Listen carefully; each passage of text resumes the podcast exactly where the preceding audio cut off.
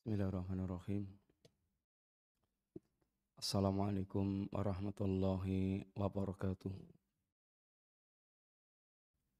Innalhamdulillah wassalatu wassalamu ala Rasulillah wa ala alihi wa ashabihi wa mawalah. Wala haula wala quwata illa billah amma ba'du. Alhamdulillah, ikhwati fillah rahimani wa rahimakumullah. Insyaallah kita melanjutkan pembahasan kita dari kitab Al-Aqidah Al-Wasitiyah. Kita masuk pada isbatul ismi lillah yaitu menetapkan nama bagi Allah Subhanahu wa taala. Silakan baca. Qala al-musannif rahimahullahu ta'ala ayatu isbatil ismi qawluhu ta'ala tabarakasmu rabbika dzil jalali wal ikram. Beliau bawakan dalam pembahasan ini ini firman Allah Subhanahu wa taala Tabarakasmu rabbik dzil jalali wal ikram. Maha agung Allah, Maha agung ismu Rabbik, itu nama Rabbmu, Dil Jalali wal Ikram. Rabb yang memiliki Al-Jalal, keagungan, wal Ikram, dan kemuliaan. Tabarak. Para ulama menyebutkan maknanya adalah ini ta'altum. Ini pengagungan. Tabarak zat yang maha agung. Atau tabarak ini Allah SWT yang merupakan sang atau sumber keberkahan. Allah yang sumber keberkahan. Keberkahan itu ketika seorang dia menjadi hamba-hamba Allah yang beriman dan bertakwa. Sehingga kesolehan atau keimanan dan ketakwaan adalah sumber keberkahan hidup. Sebagaimana Allah katakan, walau anna ahlal qura amanu wattaqau lafatahna alaihim barakati minas sama'i wal ard. Apabila penduduk satu negeri itu seandainya penduduk satu negeri itu dia beriman dan bertakwa kepada Allah maka Allah akan bukakan kunci-kunci yaitu keberkahan dari langit dan bumi. Allah akan bukakan keberkahan dari langit dan bumi. Sehingga keberkahan itu bersama dengan ketakwaan kepada Allah Ta'ala. Dan berkaitan dengan ini berkah karena Allah Subhanahu wa taala zat yang maha berkah, tabarok, sumber keberkahan yang adalah Allah Ta'ala, maka Allah yang meletakkan keberkahan kepada makhluknya sesuai dengan kehendak Allah Ta'ala. Dan itu merupakan dan itu bagian daripada rububiyah Allah Ta'ala.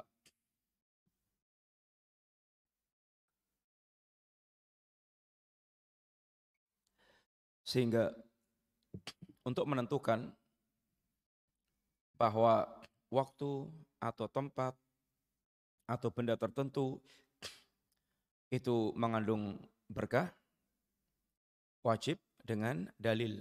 Wajib dia membawakan dalil. Hari Jumat adalah hari yang berkah. Ada dalilnya. Nabi sampaikan.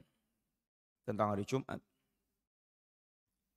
Kemudian sepertiga malam yang terakhir waktu yang barokah. Ada dalilnya. Nabi sampaikan. Bulan Ramadan adalah bulan yang berkah. Ada dalilnya. Allah dan Nabi-Nya juga sampaikan. Wukuf saat wukuf di Arafah saat yang sangat barokah. Ada dalilnya. Dan juga Nabi yaitu telah sampaikan. Untuk menentukan perkara itu barokah mesti harus dengan dalil. Maka Madinah adalah tempat yang barokah, ada dalilnya. Salat di Masjid Nabawi, salat di Masjid Masjidil Haram memiliki keberkahan sendiri. Kemudian korma makanan yang barokah ada dalilnya. Habatus sauda ini ini berkah ada dalilnya. Minyak zaitun berkah ada dalilnya. Ah, untuk menentukan bahwa perkara-perkara itu adalah berkah, baik itu waktu, baik itu tempat, baik itu benda-benda tertentu, maka ini membutuhkan dalil, harus dengan dalil. Sedangkan apa yang dikatakan oleh kebaikan besar manusia, masyarakat, kuburan berkah, kemudian sendang berkah, banyu tiban berkah, atau sumur tiban berkah, itu semuanya adalah khurafat. Khurafat, tipuan syaitan, tidak ada yang bisa menentukan keberkahan kecuali adalah Allah Subhanahu wa taala. Dan itu merupakan seandainya mereka mengatakan barokah seperti itu dan dia mendapatkan apa yang dia yaitu inginkan itu adalah tipuan syaitan. Atau kalau itu yaitu ngepasti dengan takdir Allah adalah ujian bagi mereka. Minta ke kuburan wali fulan terus ternyata kabul. Itu bukan artinya kuburan itu memang tempat yang menjadikan doa dia terkabul. Tetapi ngepasi dengan takdir Allah terkabulnya doa bukan karena kuburannya. Sehingga itu merupakan bagian ujian dari mereka mereka bisa semakin tenggelam dalam kesyirikan, meminta kepada kubur.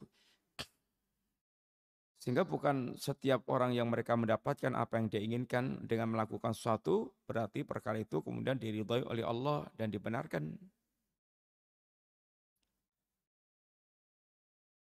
Yang pertama, untuk menentukan keberkahan adalah dengan dalil. Karena kembalinya kepada Allah yang meletakkan keberkahan. Yang kedua, cara kaifiatnya, tata caranya, bagaimana untuk meraih keberkahannya, itu juga wajib dengan dalil. Dengan tata cara yang, di, yang diajarkan oleh syariat. Bukan kemudian semaunya sendiri mengambil keberkahan. Contoh umpamanya, Baitullah Ka'bah ini tempat yang berkah. Iya. Caranya mengambil keberkahan Ka'bah gimana? Ya tawaf. Kemudian kalau bisa mencium ajar aswad. Ini adalah keberkahan Ka'bah. Kaum muslimin banyak yang melakukan kesalahan di dalam mengambil keberkahan Ka'bah. Namanya kosot di dinding Ka'bah, kosot, awak itu kosot-kosot kan kalau perempuan kadang malah jilbabnya dicopot, diosop-osop, kosot-kosot kan diusap-usap ke Ka'bah. Ini adalah cara mengambil keberkahan yang keliru. Contoh lagi Al-Quran kitabun mubarakun. Kitab yang diberkahi oleh Allah Ta'ala. Ya, tapi caranya gimana? Caranya lihat tabaru ayatihi. Dengan cara ditadabur ayat-ayatnya. Dibaca hurufnya. Yang Nabi mengatakan, Man qar'a harfan min kitabillah. Barang siapa yang dia membaca satu huruf dari kitab Allah, falahu hasana. Baginya adalah kebaikan bi asri amthariha dilipatnya sepuluh kali lipat.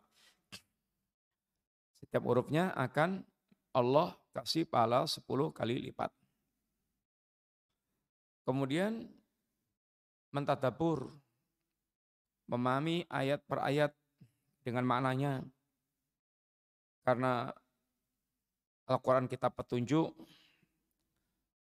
Antum kalau membaca cuklak praktikum, kayak ramudeng biasa huruf pun ramudeng kon ngopo itu orang ngerti gimana mau melaksanakannya itu. Kayaknya di mantra-mantra. Demikian pula Quran yang Allah katakan kitab hidayah. Lah kalau enggak faham sama sekali dengan Al-Quran, ya baca-baca. Tapi enggak paham apa yang menjadi kandungan isinya. Gimana akan menjadikan Quran sebagai kitab hidayah. Maka Quran mesti wajib untuk di baca dengan tadabur, dengan pemahaman. Makanya Al-Imam bin Qayyim mengatakan qiraatu ayatin bi tafakurin wa tafahumin khairun min khatmatil Quran biduni tadabbur. Membaca satu ayat Al-Quran dengan tadabbur itu dengan tafakur dan tafahum dengan penuh perenungan dan pemahaman itu lebih baik dibandingkan dengan membaca Al-Quran khatam, khatam Quran, tetapi tanpa tadabur sama sekali. Kenapa? Fa'innahu angfa'u lil qalbi. Karena membaca dengan tadabur itu akan sangat bermanfaat bagi hati. Dan amal yang paling bernilai di sisi Allah amal yang paling bermanfaat bagi hati. Karena letaknya ketakwaan itu di hati manusia. Kalau hatinya bisa, bisa mengambil manfaat, artinya bertambah ketakwaannya. Akan semakin sempurna ketakwaannya. Maka keutamaan amal dinilai dari sejauh mana kualitas hati dia dalam mewujudkan amal itu. Maka dikatakan al-a'malu tatafadul bima tafadul lima fil qulub amal itu memiliki nilai keutamaan yang bertingkat-tingkat sesuai dengan tingkatan keutamaan yang ada dalam hati manusia. Lalu beliau contohkan dua orang sholat. Gerakan fisiknya boleh jadi sama. Tetapi selesai sholat, dua orang ini perbedaannya pahalanya bainal masyrik wal maghrib. Perbedaannya antara timur dan barat. Jauh. Apa yang membedakan bukan gerakan fisiknya. Tetapi ma fil qulub, apa yang ada di dalam hati dia. Rasa takutnya, khusyuknya, cintanya, tawakalnya, kemudian rojaknya, dan seterusnya. Itu akan sangat berpengaruh dengan nilai kesempurnaan amal yang dia lakukan. Ah, mencari keberkahan Quran itu dengan cara di antaranya membacanya huruf per huruf, kemudian mentadaburnya, kemudian mengamalkannya, mendakwahkannya, itu adalah akan dia mendapatkan keberkahan Al-Quran. Bukan dijadikan, bukan dijadikan Quran Istanbul, sak jempol. Sak jempol, antum bacanya gimana? Matanya masih bisa membaca enggak? Dengan Quran sak jempol? Bisa. Nah terus kalau Quran dicetak terus nggak bisa dibaca dengan mata, terus mau dipieki, artinya apa? Akhirnya jadi jimat. Digimbol ke mana-mana, digimbal, gimbal, gimbal, gimbal. Untuk cekelan, cekelan. Sehingga nyekel jimat Quran Istanbul biar sakti. Ini akhirnya Quran jadi jimat. Dan bukan begitu cara mengambil keberkahan, yaitu Al-Quran. Atau sebagian orang jadikan teh celup. Sehingga Quran ditulis, kemudian uh, dicelup-celupkan ke air, kemudian diminum. Bukan begitu cara mengambil keberkahan Al-Quranul Karim. Tapi mengambil keberkahan Quran dengan cara dia baca. Kemudian dia eh, fahami, dia amalkan. Mengambil ulama itu berkah, betul. Tapi cara mengambil keberkahan ulama bukan dengan cara yaitu ngentai ke siswane ulama terus wedange atau minumnya siswanya jadi rebutan berkah. Kemudian uh, yaitu tabaruk dengan zatnya ulama, jasadnya ulama. Ada yang hulu super keterlaluan, telipake sikil, telipake sikil. Bekas jalan kakinya di, disujuti, diambung-ambung. Super keterlaluan.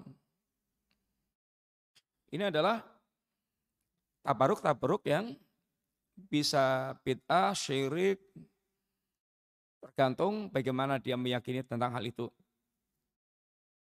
Maka untuk melakukan tabaruk kaifiatnya mesti harus sesuai dengan yaitu syariat Allah Subhanahu wa taala. Tuntunan Nabi Shallallahu alaihi wasallam. Bukan dengan selera hawa nafsunya. Itu sekilas berkaitan dengan yaitu masalah tabaruk. Maka ada tabaruk yang masyru, ada tabaruk yang syirki. Tabaruk yang masyru, yang sesuai dengan syariat, dan tabaruk yang syirik. Tabaraka ismu rabbik. Nama Allah adalah betul-betul mengandung keberkahan. Sehingga segala sesuatu kalau disertai dengan nama Allah, itu akan berkah. Maka dibawakan sebuah hadis kullu mri'in uh, kullu amrin dzibalin la yubta'u fihi bismillah wa abtar. Barang siapa yang uh, ini setiap perkara yang penting tidak dia awali dengan bismillah maka abtar itu naqisul barokah akan berkurang keberkahannya. Seperti di antaranya makan. Makan itu kalau disertai dengan bismillah, apa berkahnya? Makan, setelah bismillah, berkahnya apa? Warak. Apa berkahnya makan yang diawali dengan bismillah? Apa, Indra? Ya di antaranya setan tidak akan yaitu ikut-ikutan nimbrung makan di situ. Makan yang tidak diawali dengan bismillah, setan akan ikut nimbrung di situ. Sehingga makanan yang masuk menjadi tidak berkah, bisa menjadi energi, kekuatan untuk bermaksiat. Bermangan termalah syahwatnya tinggi. Dia melakukan perbuatan maksiat. Harusnya bagaimana dia makan untuk fresh supaya semangat beribadah semakin itu semangat, gairah dalam taat kepada Allah Ta'ala. Itu keberkahan di antaranya waktu makan. Kemudian masuk rumah. Kalau enggak pakai bismillah atau tidak menyebut asma Allah, apa yang ikhwan yang terjadi? Hah? Ya, setan akan mengumumkan pada teman-temannya, kita punya mabit, tempat bermalam, hotel. Jadi singgah rumah yang dia masuk enggak bismillah akan menjadi hotelnya setan. Setan akan nginap di situ. Dan rumah yang dihuni oleh setan ya tentu akan banyak keburukannya. Suasananya tidak menyejukkan untuk beribadah kepada Allah Subhanahu wa taala. Kemudian jima juga Nabi ajarkan bagaimana diawali dengan bismillah. Kalau tidak setan ikut nimbrung yaitu di dalam jima tersebut. Sampai pada tingkatan yaitu halal haram. Apa contohnya halal haram ikhwan? Perkara yang tidak diawali dengan bismillah bisa uh, berdampak halal haram. Ya, sembelian contohnya sembelian yang diawali dengan bismillah halal. Yang tidak diawali dengan bismillah haram. Dalam salah sembilan ada dua hal yang penting. Pertama tasmiyah, kedua al-qasdu. Pertama tasmiyah yaitu membaca basmalah. Yang kedua al-qasdu yaitu niat. Harus basmalah dan niatnya benar. Tujuannya benar, ditujukan untuk apa, untuk siapa. Kalau dia pakai bismillah tapi niatnya nyembeli untuk nyerok idul, ya ya di bismillah ya tetap haram. Enggak berguna ucapan bismillahnya karena niatnya adalah niat yang keliru. Tujuannya yang keliru, syirik.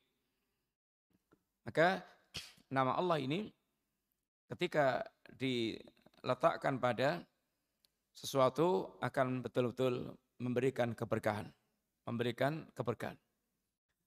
Keberkahan sendiri artinya apa ya Pak? Keberkahan sendiri maknanya adalah apa ikhwan? Barokah. Maknanya? Hah? Apa novel? Ya, kasratul khair wa thubutuh. Banyaknya kebaikan dan tetapnya kebaikan itu.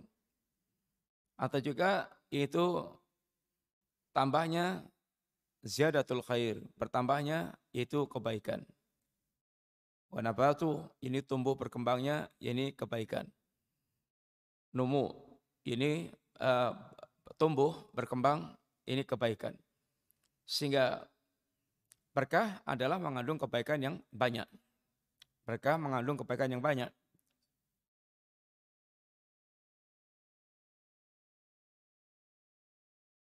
Maka kalau dikatakan hartanya berkah, Masya Allah, Hartanya kebaikannya sangat banyak banget.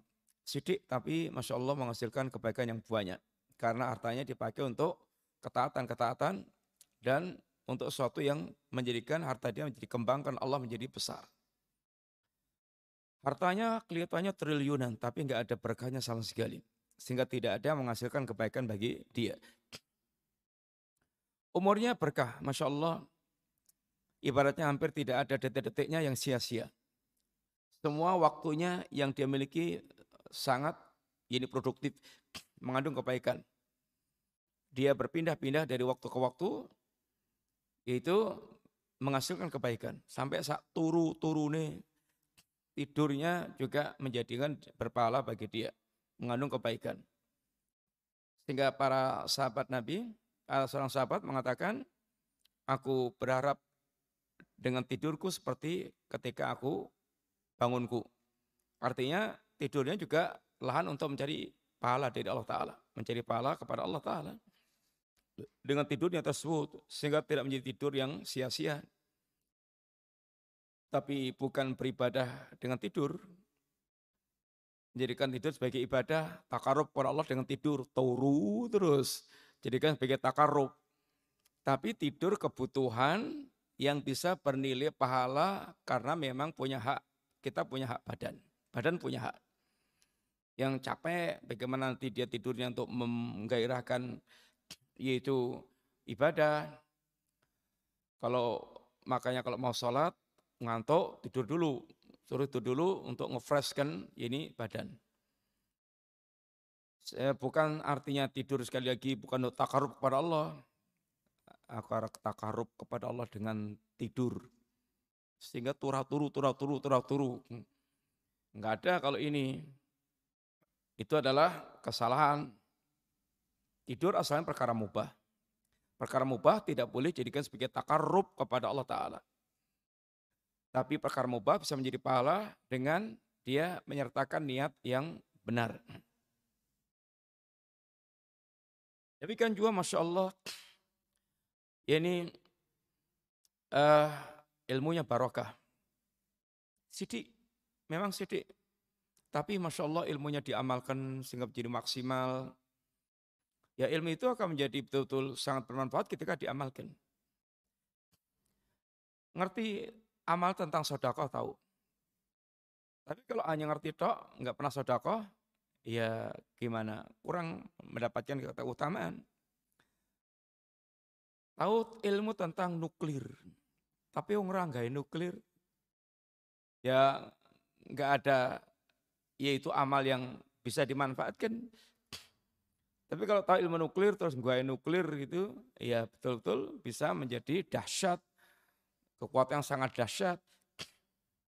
Ngerti sholat, kok ngerti tok, nggak sholat, ya tidak tidak akan memberikan manfaat. Ini berkah, yaitu kasratul khair subutuh. Banyaknya kebaikan dan tetapnya kebaikan itu atau nomu itu tumbuh berkembang. Itu kebaikannya tumbuh berkembang. Bertambah-tambah kebaikannya tersebut. Ziyadatul khair. Amal ini kebaikannya bertambah-tambah. Kemudian Dil jalali wal ikram. Dil jalali wal ikram. Al jalal al azamah. Ini Allah zat yang maha agung. Allah ini pemilik keagungan. Dzul Jalal Allah pemilik keagungan sehingga Allah yang memiliki keagungan yang sempurna. Sempurna. Sehingga seorang hamba yang mengenal Allah Subhanahu wa taala maka akan muncul rasa pengagungannya kepada Allah taala. Dan dasar ketakwaan adalah ketika seorang dia memiliki rasa pengagungan kepada Allah Ta'ala. Hilangnya rasa pengagungan kepada Allah akan menjadikan seorang dia terjerumus dalam perbuatan maksiat dan menganggap pelanggaran-pelanggaran itu terasa ringan. Beda dengan orang mereka mengagungkan Allah SWT. Maka para ulama mengajarkan jangan kamu lihat besar kecilnya maksiat. Tapi lihatlah siapa yang Anda man asaita, siapa yang Anda maksiati. Siapa yang Anda maksiati. Yang Anda maksiati bukan kawan Anda. Bukan bos Anda. Yang Anda maksiati adalah pencipta langit dan bumi yang mengurus kehidupan Anda secara keseluruhan. Allah yang memberikan semua kebaikannya kepada Anda. Maka Orang yang mereka mengenal Allah akan mengagungkan Allah Subhanahu. Semua bentuk kemaksiatan, kedurhakaan, penyimpangan sumbernya adalah mereka tidak mengagungkan Allah. Itulah perkataan Nabiullah Nuh saat berkomentar tentang kaumnya yang yaitu sangat menentang dakwah Nabiullah Nuh Malakum la tarjuna lillahi waqara. Kalian memang orang-orang yang tidak mengagungkan Allah dengan sebenar pengagungan. Sehingga mereka senantiasa tampil fajir, tampil kafir. Sampai anak-anak yang mereka lahirkan, mereka sudah siap untuk menjadi generasi yang fajir, yang kafir. Rabbi Ya Rab, innahum asawni. Mereka bermaksiat kepadaku ya Rab. Mereka duraka kepadaku ya Rab. Wattaba'u malam yazid'uhu maluhu wa waladuhu ila khosara. Dan mereka justru mengikuti orang yang harta dan ke, harta dan anaknya tidak menambah mereka kecuali kedurakaan, kerugian. Yang diikuti orang-orang yang uh, bengis atau orang-orang yang menyimpang yang hartanya membuat mereka semakin sombong, semakin angkuh, semakin menentang agama. Dan ini tokoh-tokoh yang ada setiap zaman, setiap waktu, biasanya para mutrof, orang-orang kaya, mereka punya kelebihan-kelebihan di tengah kehidupannya, lalu menjadi penentang agama. Ini para mutrof yang sering menjadi penentang-penentang, ini agama Allah Ta'ala. Allah Al-Jalal, pemilik keagungan. Maka cara untuk menumbuhkan pengagungan hamba kepada Allah yang mengenalkan kepada hamba tentang siapa itu Allah Ta'ala. Dengan semua nama-nama dan sifat yang ada pada Allah, maka orang akan mengenal tentang keagungan Allah SWT. Maka pertama kali dakwah yang mesti ditanamkan di hati manusia adalah dakwah mengenalkan siapa itu Allah, karena akan menjadi dasar untuk tumbuh berkembangnya amal-amal yang akan dibangun. Amal yang dibangun di atas dasar akidah tersebut. Orang tidak akan semangat beramal kecuali dia mengenal Allah SWT. Hatinya betul-betul mengenal Allah, mencintai Allah, merindukan Allah, mengagungkan Allah. Dan Allah Al-Jalal, Allah adalah yang berat diagungkan. Tidak boleh ada yang diagungkan yang melebihi Allah Ta'ala. Pengagungan total mutlak hanya milik Allah Subhanahu wa taala. Dan tidak akan orang mendapatkan ini keagungan hidup kecuali dengan diberi oleh Allah taala. Dan keagungan kehidupan hamba tidak akan didapatkan kecuali dengan cara menjadi hamba Allah, mentaati Allah Ta'ala, sehingga dia akan memiliki ini kemuliaan, keagungan dengan pemberian dari Allah Subhanahu wa taala. Ini adalah Allah Al-Jalal. Ini Allah yang menyandang segala ini bentuk, ini keagungan. Wal ikram ini Allah zat yang maha mulia. Ini al-ikram, at-takrim. Allah subhanahu wa ta'ala yang zat yang maha mulia. Yang menunjukkan tentang kesempurnaan Allah. Allah mulia. Zat yang maha dermawan, maha mulia. Allah zat yang maha baik. Dan Allah yang akan memuliakan hambanya. Allah dat yang akan Allah dat yang memuliakan hambanya. Orang-orang yang mulia adalah orang-orang yang mereka mentaati Allah. Kemuliaan hanya didapatkan dengan cara mentaati Allah Ta'ala. Sehingga cara mendapatkan kemuliaan dengan cara menjadi hamba Allah yang karim. Hamba Allah yang mulia pula dia akan dimuliakan Allah Ta'ala. Al-jasa mencicil amal, balasan itu sering kadar amalnya. Orang mereka bersikap mulia, menjadi orang yang mulia, dermawan, dia akan dimuliakan oleh Allah Subhanahu taala. Sehingga orang yang akan dimuliakan Allah adalah liman ata'ahu wa ini orang yang mereka mentaati Allah maka dia akan dimuliakan Allah Ta'ala. Maka mencari kemuliaan itu dengan cara mewujudkan ketaatan kepada Allah Ta'ala. Maka maksiat, lawan daripada taat, akan membuat hamba itu terhina. Hamba menjadi terhina. Wa mayuhinillah, barang siapa yang dia dihinakan Allah, maka tidak akan ada yang bisa memuliakan orang tersebut. Dan orang-orang yang mereka durhaka kepada Allah, dia akan dihinakan Allah Ta'ala. Dan dia akan bergelut dengan hal-hal yang hina. Dia akan berkubang dengan hal-hal yang hina. Sebagaimana orang mereka memiliki cita-cita mulia, dia akan berkutat dengan hal-hal yang mulia. Dia tidak akan ridho kecuali dengan hal-hal yang mulia. Tapi orang yang rendahan, tidak dia akan ridho pula kecuali dengan hal yang rendah. Hatinya cenderungnya kepada hal-hal yang rendah.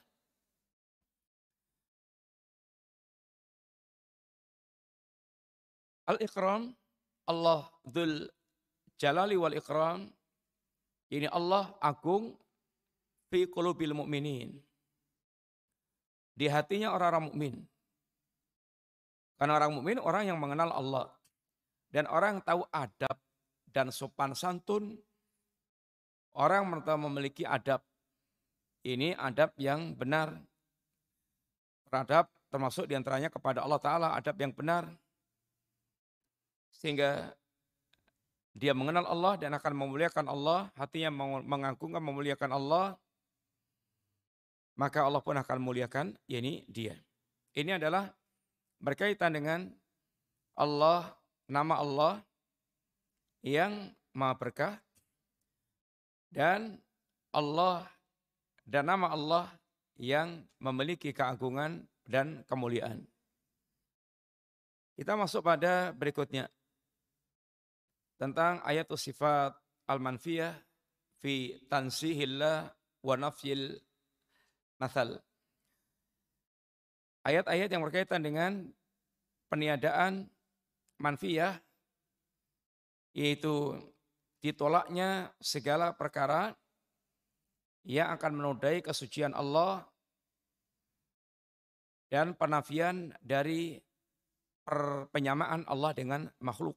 Allah betul-betul ma'asa, tunggal, ma ini asa dalam hal rububiyahnya, uluhiyahnya, asma sifatnya, sehingga ditiadakan semua hal-hal yang akan menyamai Allah Ta'ala. Allah Allah menjelaskan ditolaknya semua perkara akan yaitu menyamai Allah Subhanahu wa taala.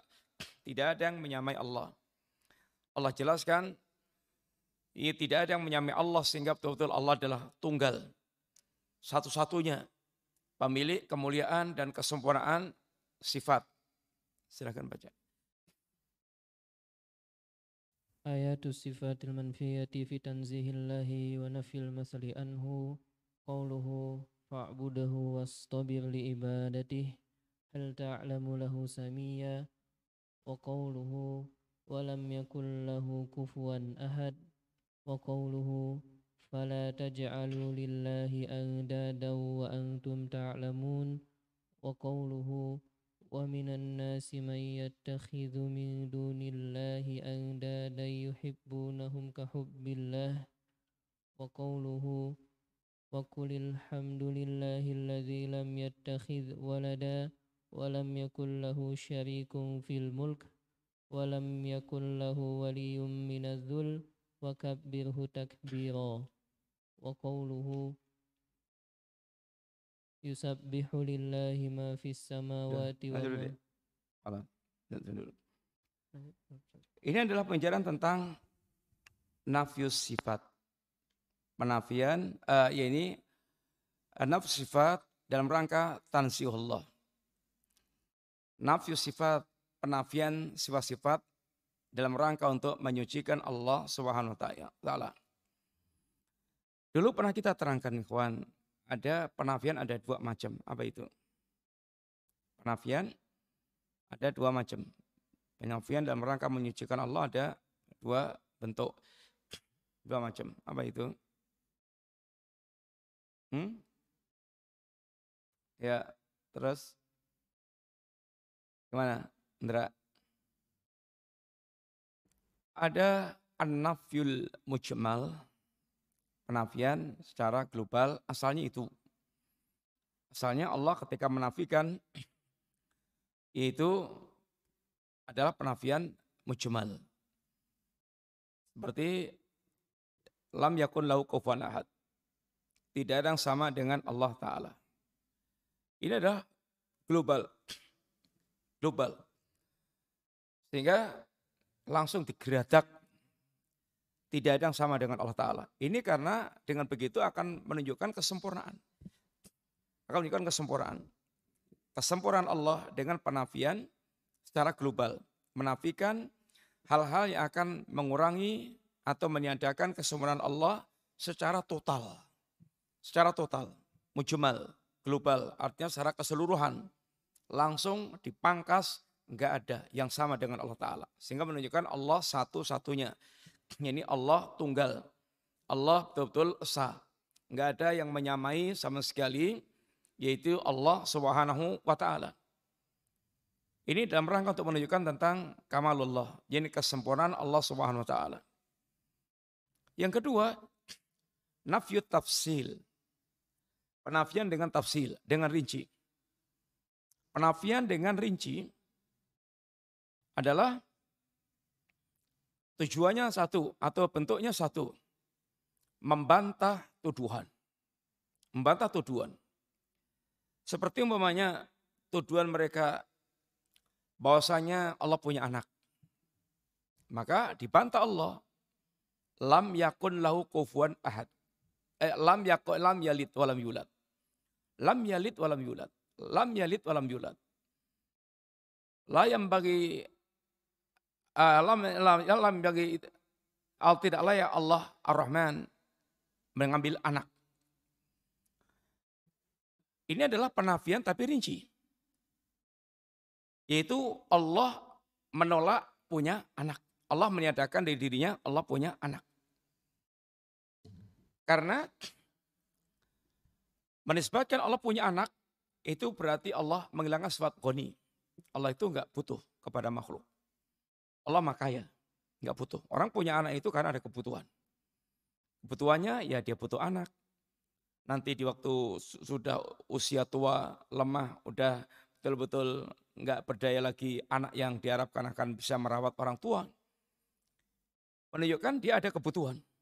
Dia ada kebutuhan. Jadi kepada ini anak tersebut. Kesempurnaan Allah, ini Allah lam yulat. Lam yalid walam yulat.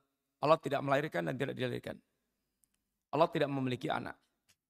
Maka ucapan Allah memiliki anak, ini ucapan yang sangat mungkar. Diucapkan oleh hampir semua orang kafir. Yahudi mengatakan gimana? Waqalatil Yahud, Uzair ibn Allah. Terus Nasrani mengatakan, Waqalatil Nasara, Isa ibn Allah. Orang musyrikin mengatakan bagaimana? Malaikat banatullah. Malaikat adalah anak-anak perempuan Allah Ta'ala. Kemudian yang lain-lain juga sama. Secara umum agama musyrikin mereka Tuhan punya anak. Punya anak. Kadang malah Tuhan selingkuh dengan manusia terus punya anak. Sehingga anak ada ada anak Tuhan, anak-anak Tuhan yang lahir di dunia. Ini semuanya adalah rata-rata menjadi keyakinan agama-agama syirik, agama-agama yang menyimpang. Semua mereka mengatakan itu Allah punya anak. Ini adalah kerusakan. Allah bantah, Allah tidak memiliki ini anak. Maka bantahan Allah merupakan yaitu uh, nafsul tafsil, nafsul tafsil di sini merupakan bantahan Allah kepada orang-orang mereka yaitu memiliki keyakinan bahwa Allah punya anak. Yang keyakinan ini Allah kafirkan. Laqad kafara latina qalu inallah thalith thalatha laqad kafara latina qalu inallah ini huwal masih ibnu Maryam dan Allah katakan takatus samawatu yatafattarna minhu wa tangsakul jibal wa tangsakul ardu wa tahirul jibalu hadda ini hampir-hampir langit itu runtuh, bumi itu terbelah, kemudian gunung itu jugruk, anda oli rahmani walada. Tuduhan mereka Allah memiliki anak.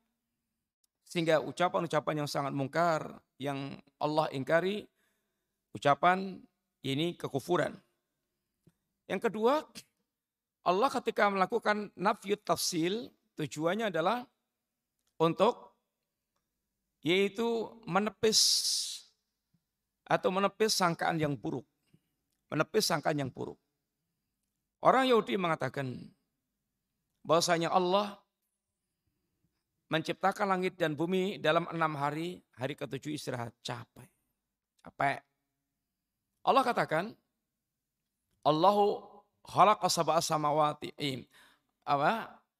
Khalaqa samawati khala Allah khalaqa samawati wal arda wa ma bainahuna wa ma bainahuma wa ma massana min lughub. Bahwasanya Allah yang telah menciptakan langit yang tujuh. Allah yang menciptakan bumi dan apa yang ada di antara langit dan bumi. Wa ma massana min lughub. Wa ma massana min lughub adalah nafyu tafsil. Kenapa nafyu tafsil? di sini. Mereka, kenapa wama masana fil lughub dikatakan nafyut tafsil. Rino, Mas Rino. Kenapa dikatakan an-nafyut tafsil? Mas Gun? Nofal. Iya, ya karena yang ditolak Allah tafsil rinciannya. Kalau yang global kan semua total. Yang di sini tafsir rinciannya, itu lugubnya itu. Allah menepis, Allah terkena sikap capek. Wa ma massana mil lugub. Dan kami Allah tidak terserang, ini capek. Ini ada nafsir tafsir namanya. Ini untuk menepis sangkan buruk. Sangkan mereka bahasanya Allah Subhanahu wa taala yaitu menciptakan langit dan bumi enam hari. Hari ketujuh Allah istirahat karena capek. Allah bantah. Allah memang menciptakan langit dan bumi adalah enam hari. Bukan berarti hari ketujuh Allah capek istirahat. Wa ma masana Yang ketiga, nafi tafsir itu di antaranya untuk mengokohkan kesempurnaan sifat Allah Ta'ala. Untuk menguatkan tentang kesempurnaan sifat Allah Ta'ala. Contohnya, Allahu la ilaha illa huwa al-hayyu al-qayyum la ta'khuduhu sinatu wala naum. Mana ini yang nafi tafsirnya mana? Bisa. Ya, la ta'khuduhu sinatu wala naum. Itu adalah nafi tafsirnya di situ. Ah, nafi tafsirnya ini untuk apa tujuannya?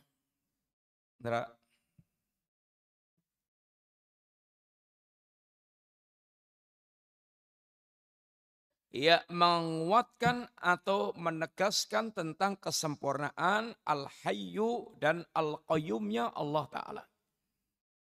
Sehingga Nabi tafsir tadi apa satu tujuannya untuk untuk menepis tuduhan. Yang kedua untuk membantah sangkaan buruk. Yang ketiga untuk mengokohkan, menguatkan tentang kesempurnaan sifat-sifat Allah Subhanahu wa taala. Ini adalah ini tentang anafyu. Sampai sini dulu ikhwan, ayat ini banyak banget. Nanti kita sampaikan yang akan datang aja, kita cukup sekian dulu. Udah mau jam 9. Ya demikian ikhwan yang kita pelajari bersama malam hari ini mudah-mudahan manfaat. Jazakallahu khair. Wassalamualaikum warahmatullahi wabarakatuh. Subhanakallahumma wa bihamdika. Asyhadu an la ilaha illa anta astaghfiruka wa atubu ilaik. Assalamualaikum warahmatullahi